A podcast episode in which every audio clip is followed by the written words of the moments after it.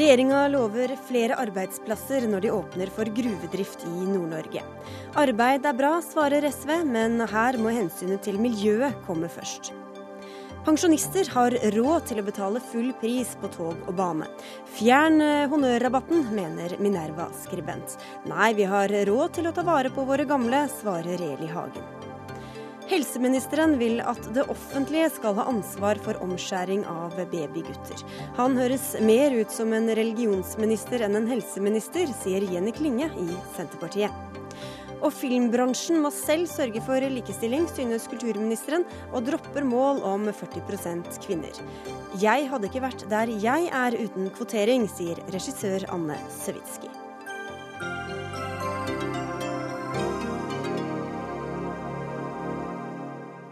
Og dette er noen av sakene i Dagsnytt 18 på NRK P2 og NRK2, som, eh, hvor vi også skal innom hjemmesoning og skjønnskrift. Jeg heter Sigrid Solund.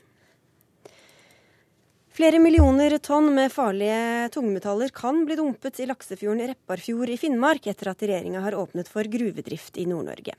Norge er et av fire land i verden som fortsatt praktiserer sjødeponi, altså at avfall fra gruvevirksomhet blir dumpet i havet.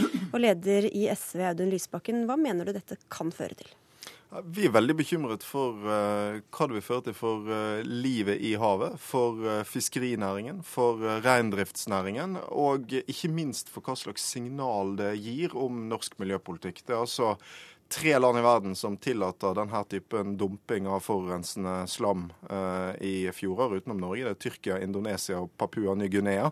Og mens Papua Ny-Guinea er i ferd med å gå bort fra dette og skal kanskje stenge et av sine sjødeponier, så vil altså den norske regjeringen begynne med dumping av enorme mengder forurenset slam i levende norske fjorder. Det er jo litt sånn, det minner om en sånn miljøskandale fra 80-tallet, der, eh, der, det å grave opp eh, dritt fra eh, fjordene var noe vi så ofte. Jeg hadde håpet og trodd vi var ferdig med det, men nå har vi også en regjering der penger går foran miljø hver eneste gang. Men du sier at vi vet ikke hva som kan skje. Hva, hva er det du er redd for at kan skje da?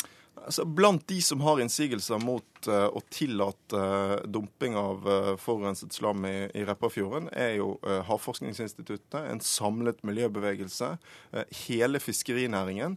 Dette er altså en nasjonal laksefjord. nasjonale laksefjorder er fjorder der vi har satt i verk særlige tiltak for å beskytte villaksen. Det betyr bl.a. å legge kraftige begrensninger på havbruksnæringen. Og da er det jo et enormt paradoks at det ikke skal legges begrensninger på gruvenæringen, som selvfølgelig kan true livet i havet i den samme fjorden.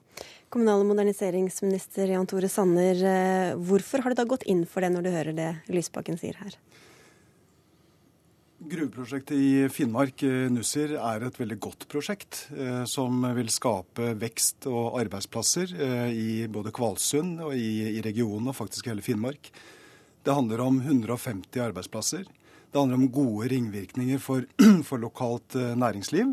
Eh, og det handler om å bruke ressursene lokalt. Vi skal være klar over at mange av de største ressursene i Norge de ligger i Distrikts-Norge. Og det som er helt gjennomgående for eh, Sosialistisk Venstreparti, det er at de sier nei, nei og atter nei til at distriktene skal kunne utnytte sine egne ressurser. Jeg er selvsagt opptatt av å ta vare på miljø, eh, men i denne saken så foreligger det ingen innsigelser fra miljøhold. Jeg har behandlet denne saken etter plan- og bygningsloven. Det foreligger to innsigelser, og det er fra reindriftsnæringen og fra Sametinget. Vi har hatt gode prosesser med, med dem. Og så er det da slik at uh, det nå ble opp til Miljødirektoratet å behandle selve utslippstillatelsene. Og jeg har gitt klart uttrykk for at det skal stilles strenge krav til miljø. Det er viktig at vi tar vare på miljø og fisk og, og ressursene. Men vi kan ikke bare løpe rundt og si nei til at man lokalt skal få utnytte ressursene. Spørsmålet er ikke om ulike næringer kan leve side om side, men hvordan. Men, men, dette er jo ikke første gang dere får kritikk for manglende satsing på miljø og klima, noe dere da tidligere har svart på at miljø og klima skal ligge under alle avgjørelser alle statsråder tar til enhver tid. Ja, da, for å si, det, si det sånn at etter åtte år med SV i regjering, så syns jeg kanskje SV bør ligge litt lavt med å kritisere vår regjering på miljøområdet. Vi har lovet at vi skal forsterke klimaforliket, og det kommer vi til å, til å gjøre. Men, Men denne... Er ikke du bekymra for de samme tingene som Lysbakken og Natur og Ungdom og andre er bekymra for? Jeg trekker en annen konklusjon. fordi at realiteten i denne saken, når vi behandler den, det er at uh, ulike aktører kan innlegge innsigelser.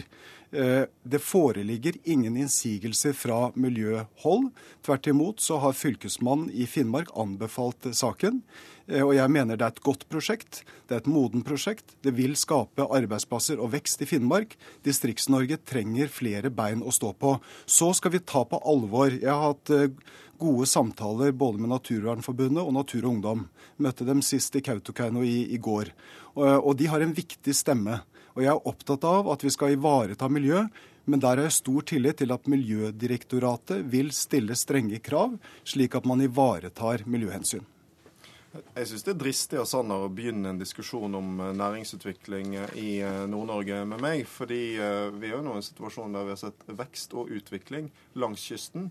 Mens vi på få måneder med blå regjering altså har fått nei til viktige satsinger i Nord-Norge gang etter gang. Kutt i regionale utviklingsmidler, en fiskeripolitikk som vil ta ressursene vekk fra kysten. Eh, så den debatten eh, ville jeg ikke tatt hvis jeg var Høyre. Nei, vi går ikke inn i den her. Men, men, men at det, arbeidsplasser står mot miljø, er jo ikke akkurat noen det, ny uh, dimensjon. Nei, og det det nå er snakk om, er et verdivalg. Jeg er veldig for å utnytte de mulighetene vi har til å bygge en mineralnæring i Norge. Men det må alltid være sånn at føre-var-prinsippet gjelder, og at hvis det er konflikt med viktige miljøinteresser, så må vi tørre å prioritere miljøet først. Og Det som kjennetegner denne regjeringen, er at miljøinteressene har konsekvent vikeplikt. Miljøvernministeren vinner aldri når det er viktige avveininger. Dette er et, dessverre et eksempel på det. For, for, om Sanner ikke har sett så mange formelle innsigelser, så er det jo bare å se på hva en samlet miljøbevegelse mener, hva fiskerinæringen mener, hva Havforskningsinstituttet mener. Motargumentene er mange, og det er ikke vanskelig å få øye på dem. Ja, la meg bare trekke frem to uh, konkrete ting. Miljødirektoratet har vurdert om, om, denne saken vil komme i konflikt med det såkalte vanndirektivet til EU. Det er et viktig direktiv, og de har konkludert med at det gjør det ikke. I tillegg så har også Nasjonalt institutt for ernæring og, sjø, og sjømatforskning konkludert med at konsekvensene av sjødeponiet Eh, de har sett på konsekvenser av sjødeponiet og kommet frem til at utlekking av kobber ikke vil representere noen konsekvenser for sjømattrygghet. Slik at her er det andre aktører enn Natur og Ungdom og Naturvernforbundet. Og Havforskningsinstituttet. Ja da, men det er også flere andre som har sett på dette, og også sett på at utlekking fra, eh, fra, fra elver kan være vel så store som fra dette sjødeponiet. Men dette blir nå opp til Miljødirektoratet å se på de konkrete utslippstillatelsene. Men det er, det er påtagelig at SV er da opptatt av subsidier til Finnmark. Jeg er opptatt av å skape arbeidsplasser. Og vi må komme i en, over i en ny fase i Norge hvor vi slutter å sette næringer opp mot hverandre. SV har i mange år snakket om at, eh, at, eh, at, olje- og gassnæringen må vike for andre næringer. Nå er det mineralnæringen som må vike. Eh, vi må sørge for at man i Distrikts-Norge får utnyttet ressursene. Og så skal vi stille strenge krav til miljø, og også sørge for at vi ivaretar hensynet til reindriftsnæringen. Og Hvor skal disse arbeidsplassene komme da, Lysbakken? Et fantastisk potensial i Nord-Norge. Eh, men da må vi altså sørge for at vi har en bærekraftig forvaltning av de ressursene som er der. Jeg tror det kan skapes mye verdier også innenfor gruvenæringen. Men, hva, men hva er alternativet til denne sjødeponeringen, da? Altså, det er jo å utvikle andre måter å deponere gruveavfall på. Det er den uh, veien det går i andre land. Det er den veien vi også må gå uh, i Norge. Og hvis det ikke er mulig å gjennomføre uh, tiltak på en miljømessig forsvarlig måte, da må vi la være. Det er jo det som er verdivalget her. Det er ingen som sier at ikke det er mulig å tjene gode penger og skape arbeidsplasser. Men det som er testen på om du er villig til og opptatt av miljø, det er jo om du noen ganger velger miljø foran alle interesser. Blir, det gjør Høyre aldri. Dette, dette blir ord ord og atter ord. Det så vi på den forrige regjeringen. Men vi prøver ikke frem, se bare tilbake, da. Men, men har dere vurdert andre deponeringsmetoder ja, enn Ja, det har selvsagt vært vurdert i denne saken. Den forrige regjeringen la frem en, eh, en strategi for mineralnæringen, men de kom aldri fra ord til handling. Jeg har sittet nå i departementet i fem-seks måneder, og jeg har hatt en serie med saker ulike saker som har ligget i departementet lenge fordi at den forrige regjeringen ikke klarte å skjære igjennom. Vi har vurdert nå de ulike hensynene i forhold til reindrift, i forhold til eh, miljø, foretatt en helhetlig vurdering og sett at her har vi muligheter til å skape vekst, fremgang, arbeidsplasser i, i Finnmark. Og så skal vi stille strenge krav til miljø, slik at vi ivaretar de hensynene. Og du får sette inn litt til Miljødirektoratet da, Lysbakken? Det gjør jeg, og til den store mobiliseringen som er på lørdag fra en samlet miljøbevegelse, så er det jo bare å konstatere at sånn en av grunnene til at det tok tid, ja, eh, jobben med mineraler som forrige regjering gjorde, jo, var jo at det er vanskelig miljødilemma. Det er lett å ha gjennomføringskraft i disse sakene hvis du ikke bryr deg om miljø, og det er det vi ser. Vi får komme tilbake til det når vi får den endelige konklusjonen på bordet. Tusen takk skal dere ha for at dere kom, Jan Tore Sanner og Audun Lysbakken. Dagsnytt 18 alle hverdager klokka 18.00 på NRK P2 og NRK2.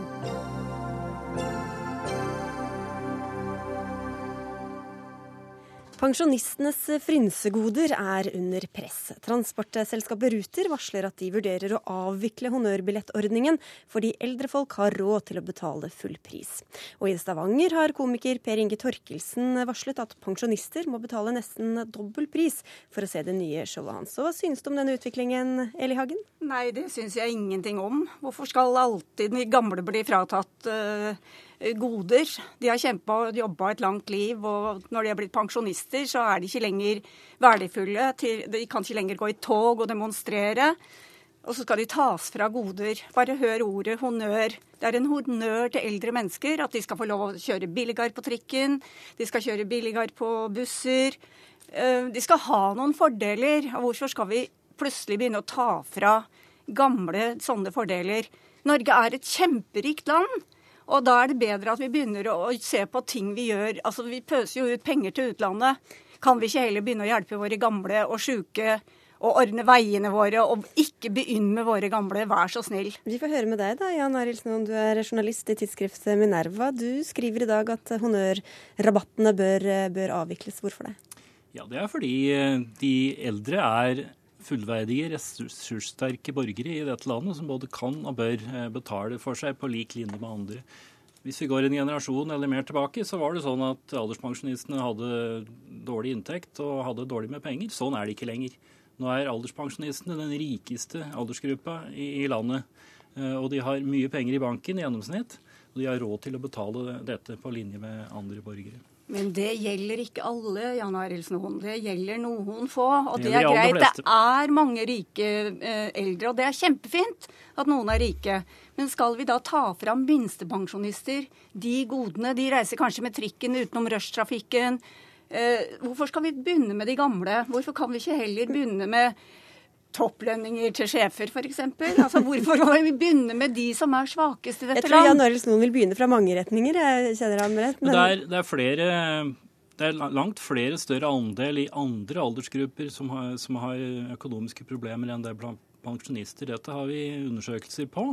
En SIFO-rapport som kom i år, viser at det er 3% av de eldste som sier at de har eh, store eller veldig store problemer, økonomiske problemer. 3% Mens blant de yngre så er det 10-15 eh, Og det har altså med at de, de har mye penger. I gjennomsnittet så er det da noen, men veldig få. Og færre blant denne gruppen i andre.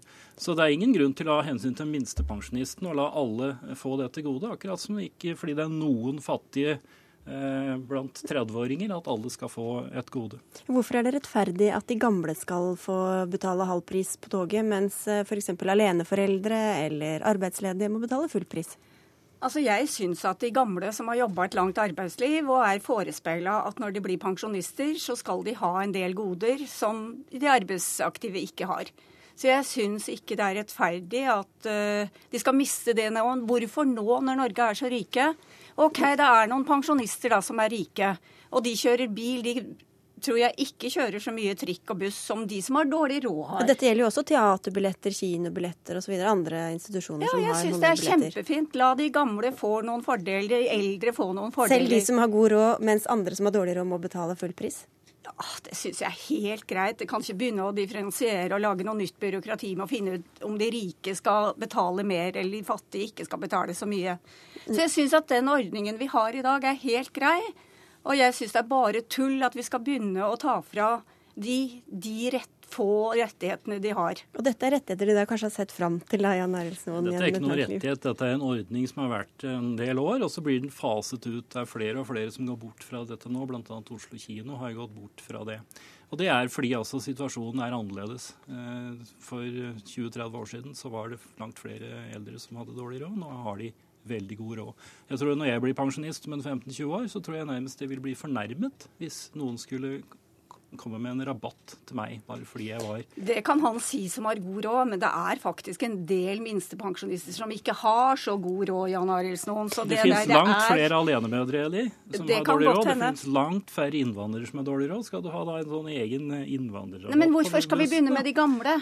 Hvorfor kan vi ikke begynne med noen som virkelig fordi har mye penger? Vi begynner ikke med det gamle. Vi tar bort et privilegium som de har hatt fordi de har hatt dårlig råd. Nå har de ikke dårlig råd lenger. Da er det naturlig å ta bort det privilegiet. Noen har fortsatt dårlig råd. Men du sier også Eli Hagen, at dette er en slags sånn premie, et honnør til folk som ja. har stått lenge i arbeidslivet. Men du vil jo samtidig øke grensa for når man må gå av med pensjon.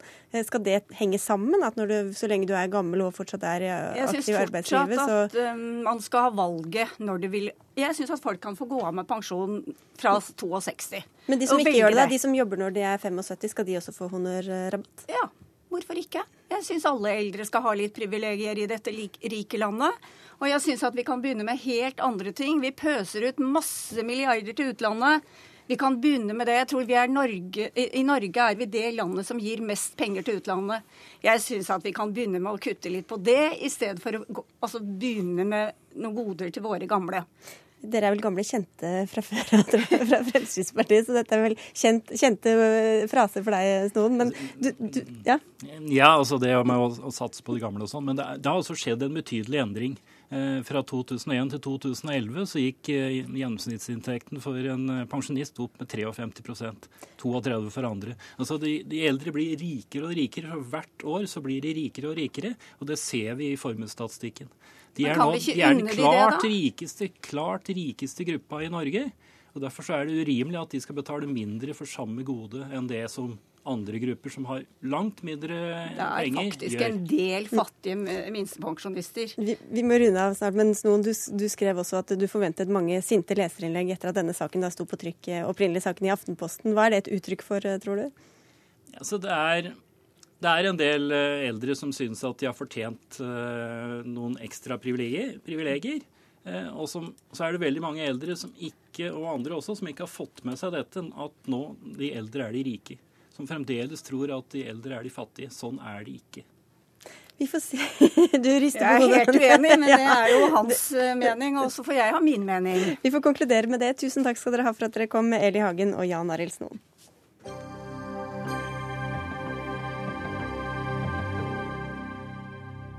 Reservasjonsretten mot å henvise til abort har vakt enorme reaksjoner de siste månedene. Og nå har det også dukket opp en annen reservasjonsdebatt. For skal leger kunne reservere seg mot å utføre omskjæring på små guttebabyer? Det spørsmålet dukket opp i forbindelse med at helseminister Bent Høie sa at det offentlige skal ha ansvar for omskjæring av gutter. Og Bent Høie, tidligere denne uka sa du at det da ikke blir aktuelt å la leger reservere seg mot å utføre inngrepet, men at du håpet sykehusene vil vise hensyn. Og i dag har du hatt et møte med legene. Hva er status? Nei, det er rett og slett jeg tror dette er, en ordning, dette er en sak som vi kan finne en veldig grei og praktisk ordning på. For det første så er det lurt at det er få leger som gjør dette, sånn at en får god eh, trening. Og det andre er at dette er noe som gjerne offentlige sykehus kan eh, be private spesialister gjøre, men da innenfor det offentlige sitt eh, regelverk og krav til faglighet i, som gjelder for, for eh, tjenester på det nivået som sykehuset er. Så det kommer til å bli egne omskjæringsleger da, på private sykehus som skal drive med dette? Ja, Det er noe som jeg må vurdere hva som er hensiktsmessig. Noen steder vil det være hensiktsmessig, andre steder vil de ha leger på sykehuset som både kan og vil gjøre dette. Men jeg opplever ikke at, eh, jeg tror ikke det kommer til å bli det store eh, problemet i denne saken. Men er dette noe helsevesenet selv skal finne ut av, eller kommer du til å legge klarere retningslinjer? Ja, vi kommer til å legge føringer på at en finner praktiske løsninger på dette. Så de skal finne praktiske løsninger ja. selv. Noe som minner litt om den kritikken du har gitt mot den rød-grønne regjeringen, som du mener ikke hadde gode nok retningslinjer eller systemer når det gjaldt den andre reservasjonsretten? Ja, det, det, er en helt annen eh, diskusjon. fordi Der handler det jo om å eh, hindre at pasienten møter leger som har reservert seg i en sårbar situasjon. I sykehusene vil jo aldri pasienten møte en lege som ikke er villig til å utføre tjenesten, for det har han organisert på forhånd. Så det er to helt forskjellige diskusjoner. Men dette ble, mm, dette ble møtt med mye kritikk fra, fra, legene og fra Legeforeningen. Eh, nå går de god for forslaget midlertidig. Hva betyr det, midlertidig? Det sånn som jeg oppfatter det, så er de enige med meg at eh, dagens situasjon kan vi ikke, sånn kan vi ikke ha det videre. At det er bedre å få dette inn i en, eh, en, en ramme som gjør at vi sikrer fagligheten. Eh, og så mener Legeforeningen at uh, prinsipielt Eh, så bør ikke dette foregå. Eh, men at det er et mye lengre arbeid som, som, eh, som må tas over lengre tid. Og det er en diskusjon som en gjerne må ta, men det jeg er bekymra over, det er at gutter i Norge i dag blir omskåret under forhold som gir stor skade, og, og der vi ikke har trygghet rundt dette. Og Dette er noe som foregår i hele verden. og Eh, jeg vil gjerne etablere et tilbud som gjør at foreldrene kan få, eh, få gjort dette på en måte som trygger barna. Altså, jeg, tror, jeg syns det er veldig fint at òg Legeforeningen nå gir uttrykk for at det viktigste er å ivareta hensynet til barna. Og det gjør vi på kort sikt best med mitt forslag. Vi har ikke med noen fra ledelsen i Legeforeningen her, men Kristian Beisland, du er leder i Norsk urologisk forening og styremedlem i Norsk kirurgisk forening. Og hva synes du om det helseministeren sier i dag? Ja, vi er jo veldig glad for eh, at det har blitt en betydelig endring av det forslaget vi hørte om. Eh, vi setter jo f.eks. veldig stor pris på at forslaget om at dette skal gjøres på barselavdelingen er borte. Det var et eh, veldig lite gunstig forslag.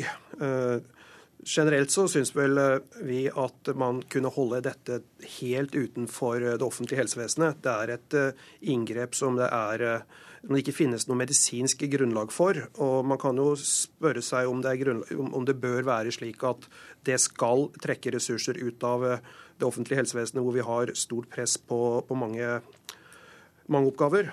Og det vil det jo gjøre, selv om dette legges inn under sørge for-ansvaret til eh, de regionale helseforetakene. Men dette, hvis det offentlige utfører det, så vil jeg jo anta at det offentlige også får ansvar for eventuelle komplikasjoner eller det som skjer. og Hvor, hvor omfattende er et sånt inngrep, hva kan skje? Vanligvis er det jo et lite komplisert eh, inngrep, men det er en, eh, fra 3 til 5% som får eh, komplikasjoner, og det er jo da gjerne infeksjoner. Og så er vi jo helt enige med helseministeren i at det er veldig viktig å unngå dette som Eh, man har hørt om og lest om og sett fra eh, omskjæringer som foregår på litt lugubre legekontorer. Det må man bort fra. Men vi mener at det nok kan løses greit ved ordninger og krav til hvem som skal gjøre dette lovmessig, uten at det behøver å tas inn i det offentlige helsevesenet. Og Samtidig så er det jo et begrenset antall leger og sykepleiere og sengeplasser. Bent Høie. Hvorfor skal det offentlige da bruke penger og ressurser og tid på dette? Ja, det er viktig å si at vi òg eh, etter den høringsrunden som var, kommer til å følge opp det som kom mange innspill på, nemlig at det er naturlig at en har en, en høy egenandel eh, på dette. sånn at det, eh, foreldrene selv... Hvor høy da? Nei, det, det, er en av de, Vi kommer til å presentere litt ulike modeller for Stortinget. Eh, fordi at Beslutningen på nivået der kommer jo ikke i lov, loven, det kommer i budsjettet.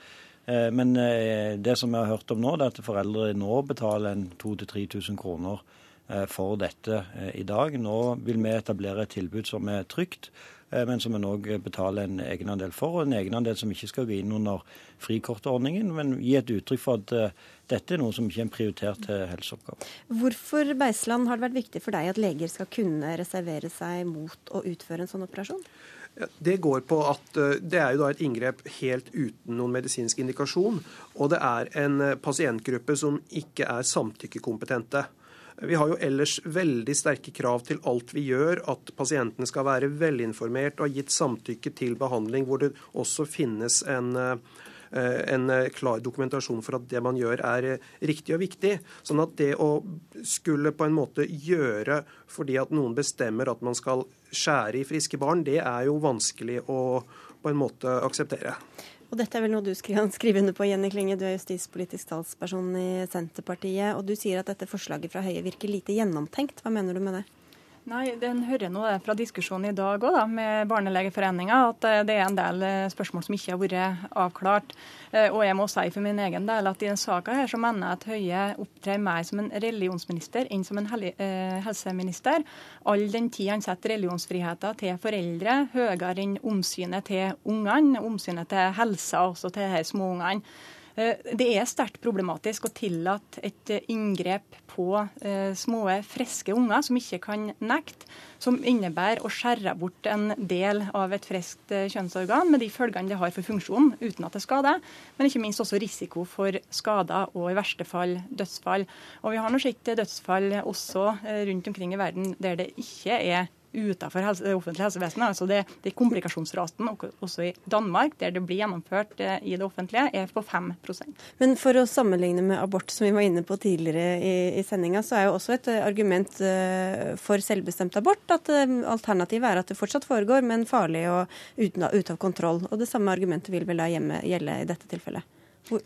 Hva mener du med det? Nei, jeg mener, altså, vi vet, Hvis vi vet at dette foregår på det som ble kalt lugubre steder, eh, og hvor komplikasjoner oppstår, hvorfor vil du ikke da la det offentlige gjøre dette i kontrollerte former? Det er helt to helt forskjellige uh, fenomen, rett og slett. Det her er noe snakk om et uh, rituale, et religiøst begrunna rituale, som, som, går på å fjerne del av en frisk kropp. Uh, og det som en må huske på her, det er nå at det, det her er snakk om for det første unger som ikke kan nekte. Det var Beiseland inne på. I tillegg så er det snakk om at en har friske unger som en gjør til pasienter. Vi har et helsevesen som skal bruke ressursene sine og pengene sine på å behandle folk som trenger det. Her har vi tvert imot da friske unger som blir gjort til pasienter ved det inngrepet, og i verste fall også blir skada av det. Og så er jeg enig i at vi må tenke på helsa til ungene og gjøre det som er best for dem, både på kort og lang sikt. Det, det er ikke bare to alternativer her. Det ene er enten å la det være på en måte fritt fram, eller ha det i det offentlige. Det tredje alternativet, som er mitt forslag, er å ha en 18 års aldersgrense, som gjør det mulig for ungene faktisk å være sjøl når de blir store nok til det. Hvor store kvaler har du hatt, Bent Høie, i vurderinga di av det her? Dette er et spørsmål som er vanskelig, men jeg mener at eh, det viktigste er å ta hensyn til, til barna. og Det er jo Jenny Klinge her som kjører sine prinsipper foran hensyn til, til barna. Men hvor, Er det ikke foreldrene du tar hensyn til mer enn barna? Nei, fordi konsekvensene av eh, forbud eller 18 års aldersgrense det ville vært akkurat det samme. Det ville at dette hadde i enda større enn i grad, grad i dag gått eh, under jorden og blitt foregått uh, uforsvarlig. Eh, det er noe som jeg som helseminister ikke eh, ønsker å utsette disse barna for. Det er ingen andre land i verden som har gjort det, og det tror jeg det er en god grunn til. Nemlig at dette er noe som har foregått innenfor både muslimske og jødiske samfunn i tusenvis av år. Det er ganske vanlig fortsatt i USA òg, selv om man ikke har en religiøs tilknytning. Og det å da gjøre et så drastisk tiltak som gjør at dette fortsatt vil foregå, men foregår under enda mer ukontrollerte former enn i dag, vil gå utover eh, disse barna. Den løsningen som jeg foregår, foreslår, er en pragmatisk, god løsning som først og fremst ivaretar barna. Eh, og samtykkekompetansen ligger hos foreldrene, som det ellers gjør når barnet er under myndighetsalder. Ja, Det er ganske spesielt å høre det at konsekvensen av et forbud blir det at det blir enda verre. fordi at Det kunne han også bruke som argument mot å forby kjønnslemlestelse av jenter. Og jeg vet at Høie har store problem hver gang jeg nevner omskjæring av jenter og gutter i samme setning.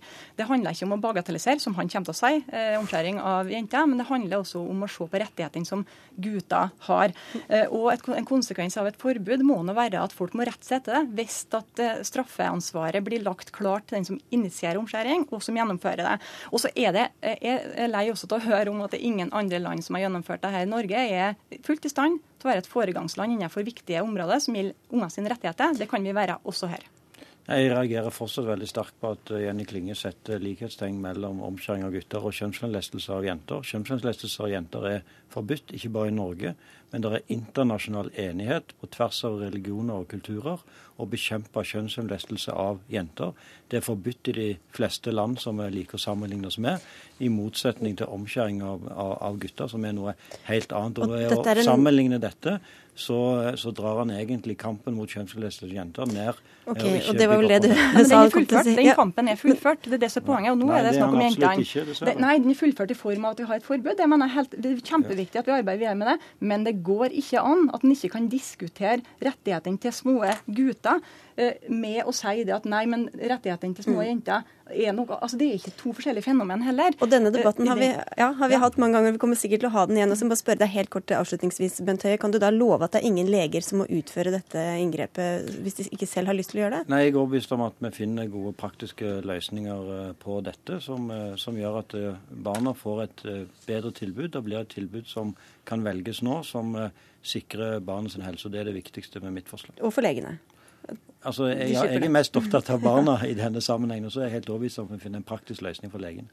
Takk skal dere ha for at dere kom i denne omgang, eh, helse- og omsorgsminister eh, Bent Høie, Jenny Klinge fra Senterpartiet og lege Kristian Beisland.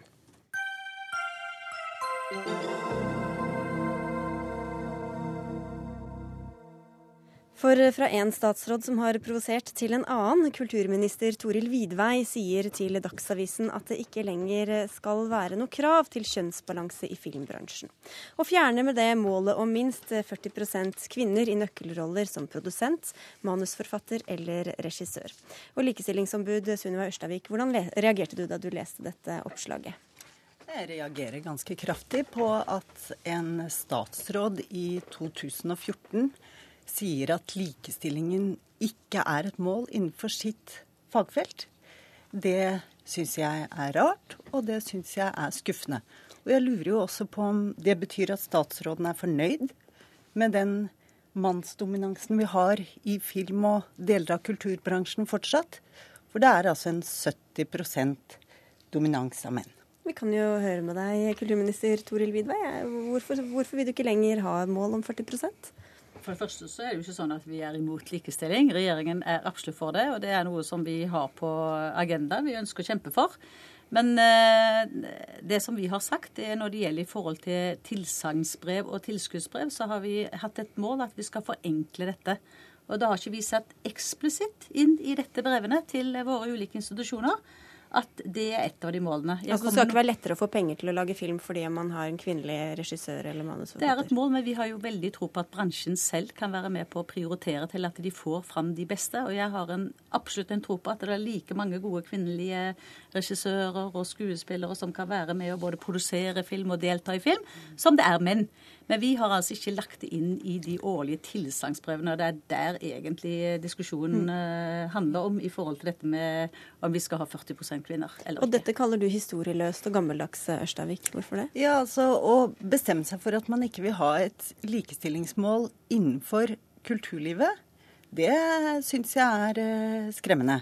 Og det handler jo om at et politisk mål følges opp med politiske virkemidler. Og det vi ser i alle andre bransjer og på alle andre samfunnsområder, er at du må ha en aktiv, støttende politikk for å oppnå målet om likestilling. Så her har det gått både bort fra målet og virkemidlene, da, eller? Altså For det første, som jeg sa, så har vi eh, en annen tilnærming til disse tilskuddsbrevene våre. Hvordan vi gir av mål til de ulike institusjonene som skal drive politikken framover. Vi har forenkla det. Vi har tre veldig enkle mål som vi skal jobbe etter. Og jeg mener at vi har gått bort fra denne her opplistingen som den forrige regjeringen hadde, med at det skulle f.eks. være 25 filmer.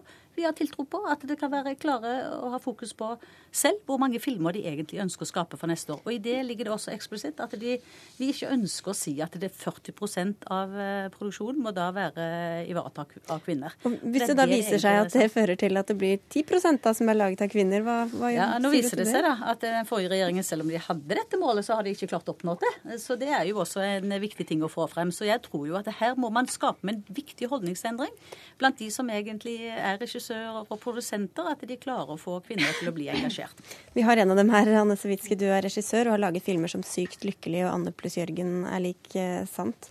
Eh, hva syns du om at det ikke nå skal være et uttalt eh, mål om 40% kvinner i din bransje, og med de virkemidlene som også da forsvinner? Eh, nei, jeg syns det er veldig merkelig. Fordi det har nå vært en målsetning en ganske god stund. Og det har vært både virkemidler og en stor debatt rundt det. Og det har ført til at eh, det har blitt en del endringer, og det er på vei oppover. Så jeg tenker, hvorfor vil man ikke liksom se resultatet av de målene? Hvorfor vil man kutte ut og si at det er et mål? Eh, det syns jeg er litt uforståelig for meg. Hva har det hatt å si for deg og for de andre du kjenner i bransjen? Eh, nei, ganske mye. Jeg husker jeg var i en debatt for eh, nå er det kanskje et par år siden med Nina Refseth, som var leder for eh, NFI da, Norsk Filminstitutt. Og da sa hun at eh, men du Anne Sewitsky, du har jo klart deg uten at det har vært noe kvotering eller noen ting. Og så sa jeg neimen, det stemmer ikke. I nesten alle, alle produksjonene jeg har vært i, så har jeg på sett og vis blitt litt kvotert inn. Det var Signatur K, som var en støtteordning for kvinner, hvor vi utviklet eh, Sykt lykkelig sitt manus. Så funket ikke det i sin helhet, men det var der det begynte. Eh, og samme Jørgen pluss Anne skulle først være en mannlig regissør, så har jeg på at det blitt hentet inn, for det var kanskje lettere for en kvinne skulle få penger akkurat da fordi det har vært et fokus på det. Og jeg ser jo på en måte at Eh, både regissører rundt meg, jenter rundt meg, de har større selvtillit på det, og jeg får større selvtillit på det. Det, er, eh, det har vært en kjempeviktig diskusjon, og jeg tenker at eh, man er ikke helt i mål. Så kan man si liksom 40% om man skal ha 40 eller ikke. Det er på en måte, kan man sikkert også diskutere. Men jeg tenker at det er viktig å ikke miste fokuset, og at det kan være ett mål av veldig mange mål, tenker jeg også er en bra ting. Og hvorfor vil du ikke lytte til denne og disse stemmene da, Vidvei? Nei, Vi mener jo det at vi vil ha mye enklere, færre føringer. Vi stoler på bransjen. Vi tror at det, det er mange dyktige folk sånn som deg, som da kan være med på å bygge opp under disse holdningene men, men og få til den holdningsendringen. Jeg har fått dette fordi det har vært føringer. Og det, det er det som er poenget mitt. At det, hvis ikke eh, denne debatten hadde vært der, så hadde ikke jeg vært der jeg er i dag. Og det, det, tenker jeg at man er nødt til å, å, se på. Det har vært den diskusjonen som har gjort at jeg har da fått penger til min første spillefilm og fått lov til å fortsette. Men det fratar jo ikke bransjen å, å jobbe for likestilling, fordi om at det ikke er et eksplisitt nedfelt i, eh, i, tildelingsbrevet for de pengene som man får. Og Det er det som er hele poenget vårt. Eh, jeg har ikke noen ambisjoner om at man skal f.eks. produsere 25 filmer. Jeg har ikke noen ambisjon på at det må eksplisitt være Men hva er ambisjonene dine da? Ja, Vi mener vi har lagt tre mål inn som er viktige i forhold til den tildelingen. Det ene er at det skal være gode rammebetingelser, sånn at de kan drive god både internasjonal og nasjonal eh, filmpolitikk eh, filmproduksjon i Norge. Og så mener vi også at det skal være en solid eh, publikumsoppslutning. og det tredje det er fokus på kvalitet. Det er de tre målene vi har satt. Vi har ikke tatt med alle de opplistede målene som den forrige regjeringen hadde. Så en kjønnsbalanse er ikke noe mål for dere i seg selv? Vi mener det at dette, vi har stor tillit til at man tar hensyn til det når man Men er det et mål for dere? Er det et eget mål for dere? Altså, selv om ikke det står nedfelt på et papir, ja, vi, er det et mål for dere å ha Vi jobber like mye for at det skal være et likestilling også innenfor kulturlivet. Selvfølgelig vil vi det, men vi vil ikke nedfelle det som et eget eh, som et eksplisitt mål. Og som vi var inne på, Ørstavik, så ble ikke dette målet nådd, eh, selv om da det ble satt i, av Trond Giske den gang han var kulturminister da, i 2006. Så hvor mye tid skal man gi til dette for å virke? Det har jo skjedd ganske mye på kulturfeltet fra 2002 til 2013. Også innenfor filmbransjen så har vi jo fått en økning fra 18 til 30, over 30% Og så er det jo noe med at dette tar tid. Eh, og det som er viktig, er jo at bransjen selv ønsker en aktiv, støttende likestillingspolitikk. Fordi at de som er der, eh, kjenner den virkeligheten. Og i 2010 så laget de en eh, rapport eh, som het 'Ta alle talentene i bruk'. Og jeg tror jo at eh, vi alle tre som sitter her, er helt enige om at talentet er likt fordelt uavhengig av kjønn. Men det er noen mekanismer som gjør at det er vanskeligere for kvinner å nå fram enn menn. Som på mange andre samfunnsområder. Og hvis jeg bare får lov å si en ting, og jeg tenker jo særlig på kulturfeltet, så er det så viktig at barn og unge har kvinnelige og mannlige helter å se opp til. Og Derfor tenker jeg at du har en ekstra utfordring, fordi at det er der barna våre henter inspirasjon og blir inspirert og ser at de har like muligheter. Så her er denne rapporten. Her er det 36 gode tiltak for bedre likestilling også i filmbransjen. Men tror du det blir dårligere filmer hvis kvinner aktivt kvoteres eller rekrutteres inn i bransjen? Nei, jeg tror ikke at det blir noe dårlige filmer for det om kvinner er aktivt med. Eh, verken i, produksjonen eller eh, regissører eller eh, på annet vis bidrar til at man får gode filmer. Og jeg tror har en veldig stor tillit til at bransjen faktisk har et pådriver i forhold til dette selv. Selv om ikke de har klart det på egen hånd tidligere? Ja, ja men jeg tror det nå. Det er en bevisst, det har skjedd veldig mye i løpet av de siste årene. Det er, det, vi ser det også i, i annet samfunnsliv, at kvinner er mye mer representative enn det det var for når jeg var aktiv. Jeg tror det er veldig viktig for oss å tenke på at vi ønsker ikke å, vi ønsker å ha fokus på det kunstneriske. Vi ønsker å ha færre konkrete mål som institusjonene skal styre etter. Og det tror jeg at jeg har tillit til at de skal klare dette. Hva tror du, Sewitsky? Nei, Jeg tror at man fremdeles trenger de målene. Og jeg tror at ønsker man at man skal Altså, film handler jo om å fortelle historie. Og fortelle er en kunstform hvor man forteller liksom både en mannlig historie, en kvinnelig historie og menneskets historie. Og hvis man har lyst til å ha historier for både kvinner og menn, så er man nødt til å på en måte løfte frem også kvinnene, sånn at man får de historiene også. Jeg tror man både lager like filmer og man lager forskjellige filmer, og man må ha plass til begge deler. og det tror jeg at man trenger en politisk målsetting for å få gjennom. Men kan det gå utover eh, kvaliteten, eller eh, ikke kvaliteten, men liksom kreativiteten og selvbestemmelsen i bransjen? Eh, det tror jeg ikke. Nå er det ikke sånn at det er jo ikke Foreløpig så er det ikke noe eh, kvotering når det gjelder produksjonsstøtte. Så dette handler om å få tiltak til å få eh, kvinner til å lage film. Og, og det å lage film, i hvert fall sånn jeg ser det, så er ikke det en manns ting. Det er, det er en kunstform sånn at, eh, ja, som er like, like tilgjengelig for både kvinner og menn. Det fratar oss jo ikke å jobbe for at vi skal ha likestilling, fordi om at det ikke eksplisitt er nedfelt i, i, i noen konkrete mål. Jeg jobber jo daglig. Jeg skal utnevne folk til styrer og råd innenfor hele kulturfeltet. Selvfølgelig tenker jeg på det. Det står ikke det at jeg nødvendigvis må gjøre det på den, den måten. Det er faktisk muligheter å ha likestilling i panna, fordi om ikke det nødvendigvis er nedfelt hvor stort eh, målet skal være. Okay. Men, men, det oppleves litt når du, når du, sier det at det ikke er et mål lenger, så oppleves det som du eh, tar avstand til det som har blitt gjort. Det er det man går ut og reagerer mot. Så får vi komme tilbake om et år eller to og se hvordan status er, er da. Tusen takk skal dere ha for at dere var med i dagens Dagsnytt 18, eh, Toril Vidvei, Sunniva Ørstavik og Anne Sewitsky. Hør Dagsnytt 18 når du vil. Radio NRK Radio.nrk.no.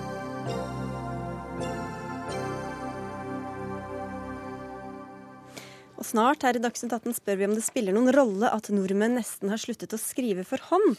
Men først til spørsmålet om hjemmesoning.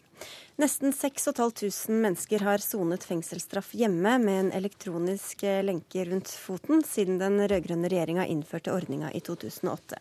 Kriminalomsorgen ber om at tilbudet utvides, så kommer de til å få det som de vil, statssekretær i Justisdepartementet Vidar Brein-Karlsen? Det får vi se på.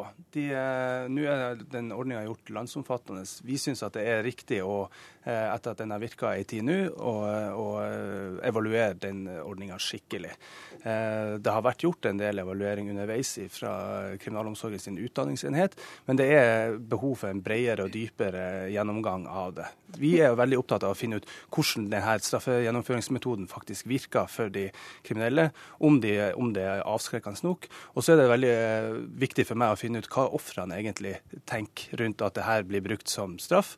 I tillegg er det også viktig å finne ut hva eh, barn og, og ektefeller og de som, som, bor i samme hus som den straffedømte måtte mene om eh, at det her blir, blir gjort. For det første gangen at man faktisk gjennomfører straff i hjemmet til andre folk. Men hvorfor har dere ikke vist hensyn til dette tidligere, når dere da har vært veldig sterkt imot denne ordningen? Både dere og Høyre? Hvorfor vi ikke Jeg mener Dere har jo tidligere vært veldig sterkt imot. Har dere ikke da tatt hensyn til de elementene som du nevner nå? Jo, det er jo absolutt pga. de her elementene at vi har vært kritiske. Men hvorfor trenger dere da å, å vurdere det og evaluere nå, det nå? Nå er det en straffegjennomføringsform som har vart en stund, og, da, og, vi har vært kritiske. Og da har vi lyst til å finne ut av det her. Vi ser at det er, kan også være positive sider med eh, straffegjennomføring med elektronisk kontroll. Eh, blant annet er det en lav oppklaringsprosent, men vi har også lyst til å finne ut hvorfor at den er lav. Er det fordi at man har plukka noen eh, spesielle eh, domfelte, eller er det, er det, fordi at denne eh, varianten fungerer veldig mye bedre enn det andre vi har? Hadia, Hadia Tajik, du er eh, fra Arbeiderpartiet, leder i justiskomiteen på Stortinget, og nå vil regjeringa evaluere ordninga. Hva syns du om det? De må gjerne evaluere bredt og dypt, som statssekretæren her sier. Men eh, det framstår jo for meg som unødvendig byråkratisering av eh, noe som man jo langt på vei vet at fungerer. Altså Det man har av eh, undersøkelser fra norsk hold, viser at ni av ti som da gjennomfører straff ved elektronisk kontroll, de faller ikke tilbake til annen kriminalitet. Så det er en veldig lav prosentandel av de som da gjennomfører eh, straff på denne måten, som begår ny kriminalitet etterpå. Og man har òg erfaring fra andre land som er positiv. Så behovet for veldig mange flere evalueringer er ikke så veldig påtrengende. Men vil han evaluere, så skal han selvfølgelig få lov til å gjøre det. Jeg er sikker på at og resultatet av de evalueringene vil vise at dette er en straffegjennomføringsform som virker. Og det er det som jo er viktig, at når noen har gjort noe galt, at de opplever for det første at det får konsekvenser, men for det andre òg at samfunnet opplever at samfunnet blir tryggere. At det blir mindre kriminalitet på den måten. Hvorfor? Ja, og Det er jeg også veldig opptatt av. Eh, samtidig så er det, når vi innfører en ny straffegjennomføringsform, så mener jeg at vi som, som myndigheter er avhengig av at den uh, gjennomføringsformen har tillit uh, blant uh, befolkninga ellers. Det har jeg veldig lyst til å finne ut av før at vi eh, går eh, videre med det. Det er klart, Har denne straffegjennomføringsformen tillit, og at eh, både ofre og andre pårørende skulle synes at det her er eh, riktig straff, så, så, er det, så, er det, veldig bra. Altså, hva vet vi om det nå, da? Ja, og, og, Er ikke det viktige òg at straffen virker? Nettopp det at den har så lav tilbakefallsprosent. For jeg hører at du legger lite vekt på det nå i resonnementet ditt. Nei, jeg, jeg, sa det i det første innlegget mitt, at, at uh, det er noe som jeg syns er veldig positivt med denne uh, straffegjennomføringsformen.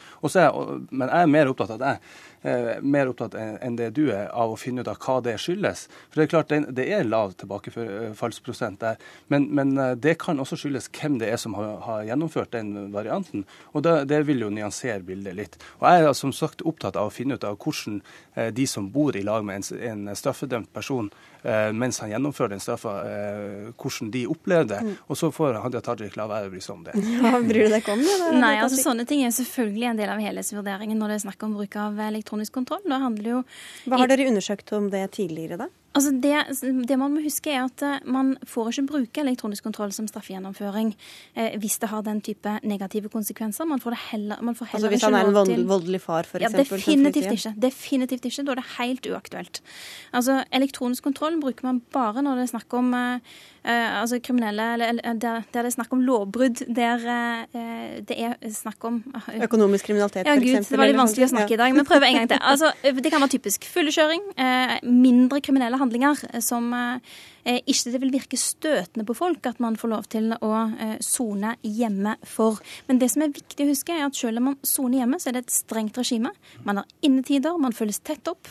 Det er ikke sånn at man kan bevege seg fritt hvor som helst fordi om man bruke elektronisk kontroll. Men, Nei, og Det er jeg enig i, og det er, det er, veldig viktig for meg også at man har en nulltoleranse for brudd knytta til det. Det har jeg et inntrykk av følges opp av friomsorgen, og det er jeg veldig glad for. og Det er også noe som Det høres ut som, du egentlig er veldig positiv til denne ordningen, da? Ja, jeg, Selv om du har vært mot den tidligere? Ja, nei, jeg har veldig lyst til å få den evaluert, og jeg ser at det er positive sider. Og så det, har jeg noen spørsmål eh, knytta til, til, den ordninga også.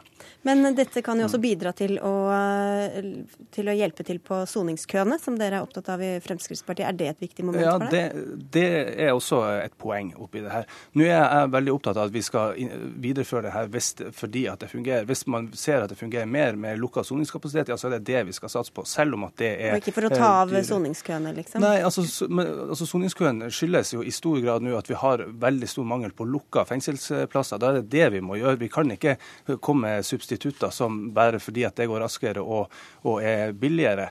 Eh, og særlig når det, kommer til varetekts, når det kommer til varetektsplasser, der bruker man ikke elektronisk kontroll. Selv om forrige regjering eh, foreslo det. Det stoppa vi, for at det, det har noen, eh, noen, ganske store spørsmål ved seg. Men derfor må vi også først og fremst satse på lukka soningsplasser. Det har vi gjort allerede, den nye regjeringen. Så er det kanskje noen som spør hva med den preventive virkningen? Altså Hvem er det som liksom lar være å gjøre noe fordi at de kanskje må gå med en fotlenke hjemme? Hva sier du til det, Hadia Tajik? Det som er viktig å huske, er at man vurderer helt individuelt eh, om elektronisk kontroll er noe som eh, vil kunne ha effekt i det enkelte tilfellet. Og man ser jo at det har betydning for at man ikke begår kriminalitet i ettertid. Eh, og det mener jeg må være det som er utslagsgivende. Altså at man ikke bare bruker straff for straffens skyld. Og jeg har jo vært i debatt med Vidar Brein Karlsen tidligere, og da har et viktig budskap fra hans side vært at eh, Fremskrittspartiet sin eh, politikk på feltet er strengere straffer og flere folk i fengsel. Og der vil jeg jo si at for Arbeiderpartiet så er det viktig at man bruker en straff som fungerer. Men det er bedre i hvert fall at folk sitter i fengsel enn at de står i soningskø, og det virker det som at du tar veldig lett på, Hadia Tajik. Nei, det gjør jeg ikke. For vi sørga for at det ble 750 nye soningsplasser Nå under kommer vi inn i en sånn talldiskusjon som vi ikke er så interessert i, men bare helt avslutningsvis her, hør med deg, Brein Karlsen. For nå skal dere evaluere dette. Dere skal evaluere juryordningen og utrede. Det samme gjelder bonusordninger til toppledere, investeringene i oljefondet, kommunestrukturen, for å nevne noe. Hvor ble det av den handlekraften og avbyråkratiseringen som dere var så Når det kommer til dette feltet, så syns jeg vi har vist ganske mye handlekraft allerede. Vi har Det er mye skaffet 88 utredninger og vurderinger, Nei, men Jeg kan ikke svare for alle de andre tingene. Men juryordninga skulle vi ikke evaluere. Det sa jeg i går, at vi skulle eh, ta oss tid til å gjøre et ordentlig politisk håndverk med. Så skal vi komme tilbake med den. Så får vi se om det kommer litt handlekraft, eh, ekstra handlekraft da etter hvert. Takk skal dere ha for at dere kom til Dagsnytt 18. Hadia Tajik og Vidar Brein Karlsen.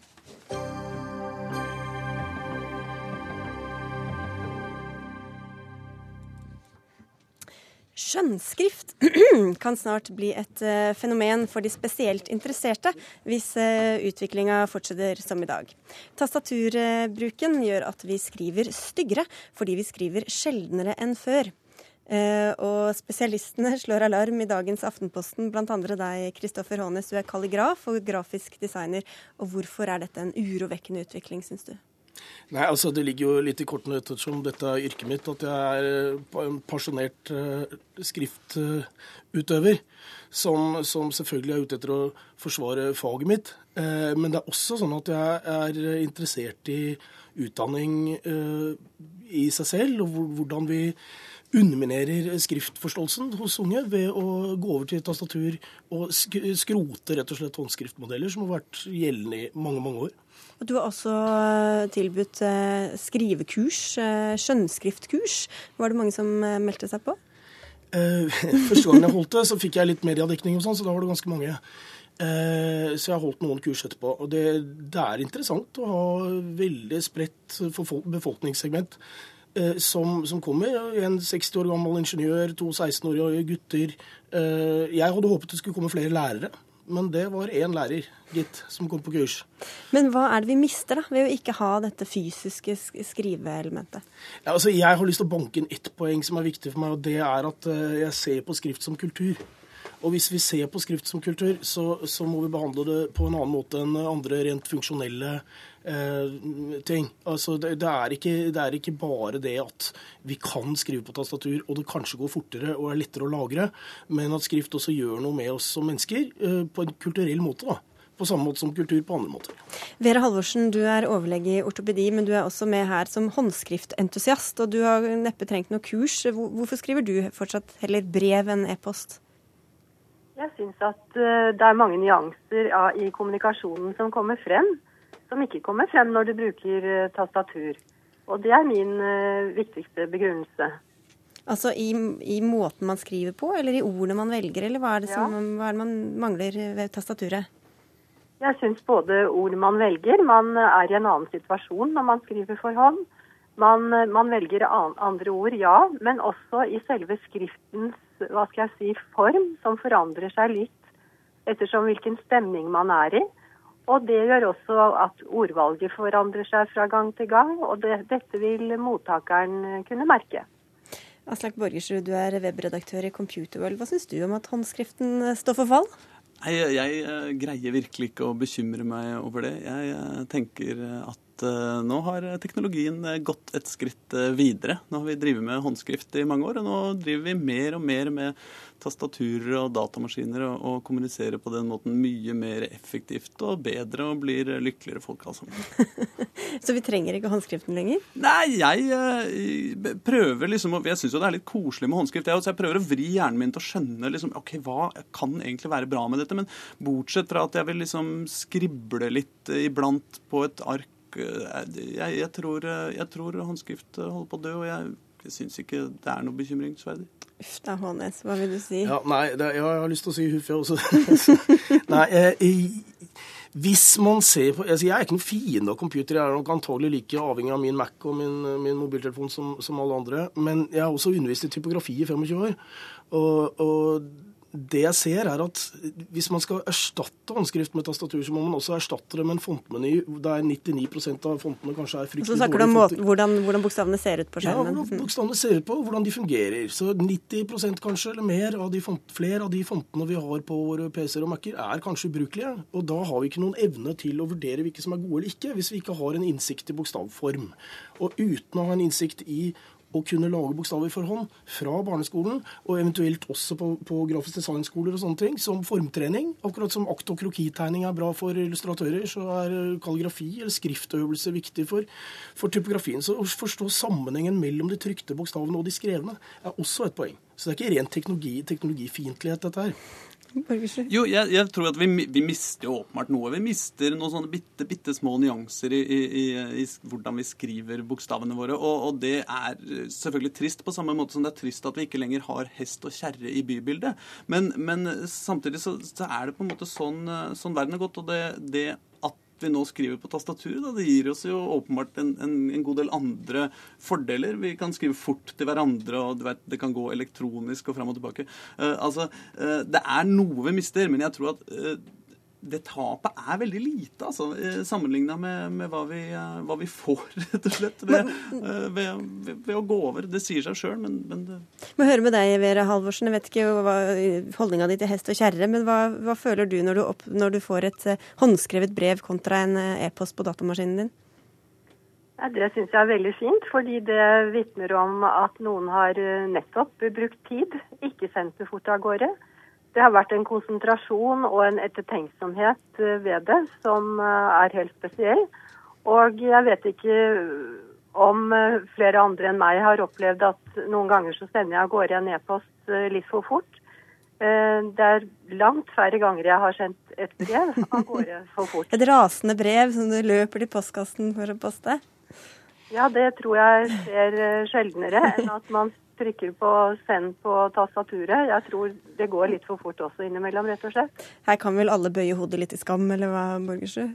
Jo da, men øh, det jeg tror da er at ungdom i dag som skriver tekstmeldinger, blogger og twitrer og facebooker og instagrammer og øh, gjør alle disse tinga i et ekstremt høyt tempo, mye mer enn noen generasjon noensinne har gjort før, øh, det tror jeg fører til at vi blir veldig, veldig mye flinkere med språket. Jeg tror at dette er en enorm fordel. Jeg tror at de ungdommene som er små nå, skriver så mye mer at de kommer til å bli genier i språk. De kommer til å utvikle språket mer i, på én generasjon enn det vi gamle som har lært å skrive for hånd, ikke sant, gjorde på århundrer. Og, og, og det er perspektivet her. Altså, jeg tror at det er gigantisk, det som skjer, og det er fantastisk. Og så, ja, kanskje det er litt synd akkurat at vi mister den hest og kjerre som, som Det kjærlighetsbrevet med parfyme på, det det får vi ikke lenger. Nei, men det, sånn er livet, altså. La oss gå videre. Jeg syns det, det, er artig at du bringer opp eh, språkopplæring. Jeg, jeg, jeg, mener, jeg mener, å se at uh, bloggevirksomhet har ikke nødvendigvis gjort mirakler for norskundervisningen. Altså. Det,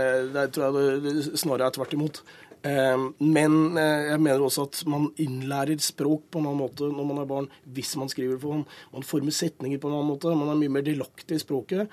Eh, og bruker flere sanser samtidig. Det er bra for finmotorikk, det er bra for en hel masse uh, andre ting som, som, som gjelder grammatikk og, og, ordforråd og sånne ting. Så, så jeg tror det er, det er, viktig på mange måter. Og dette har man ikke målt. Dette er pedagogiske effekter av en, av en sakte, hendøende håndskrift men, som er langsiktige. Men det er vel fortsatt sånn at barn, det de første de lærer når de begynner på skolen, er jo å skrive for hånd. Og skrive pent og skrive Ja, men det fins talsmenn for, for, å rett og slett skrote håndskriften all together, og rett og slett hoppe rett på tastatur med en gang. Hvordan vil du beskrive den skjønnskriften vi har i dag, da?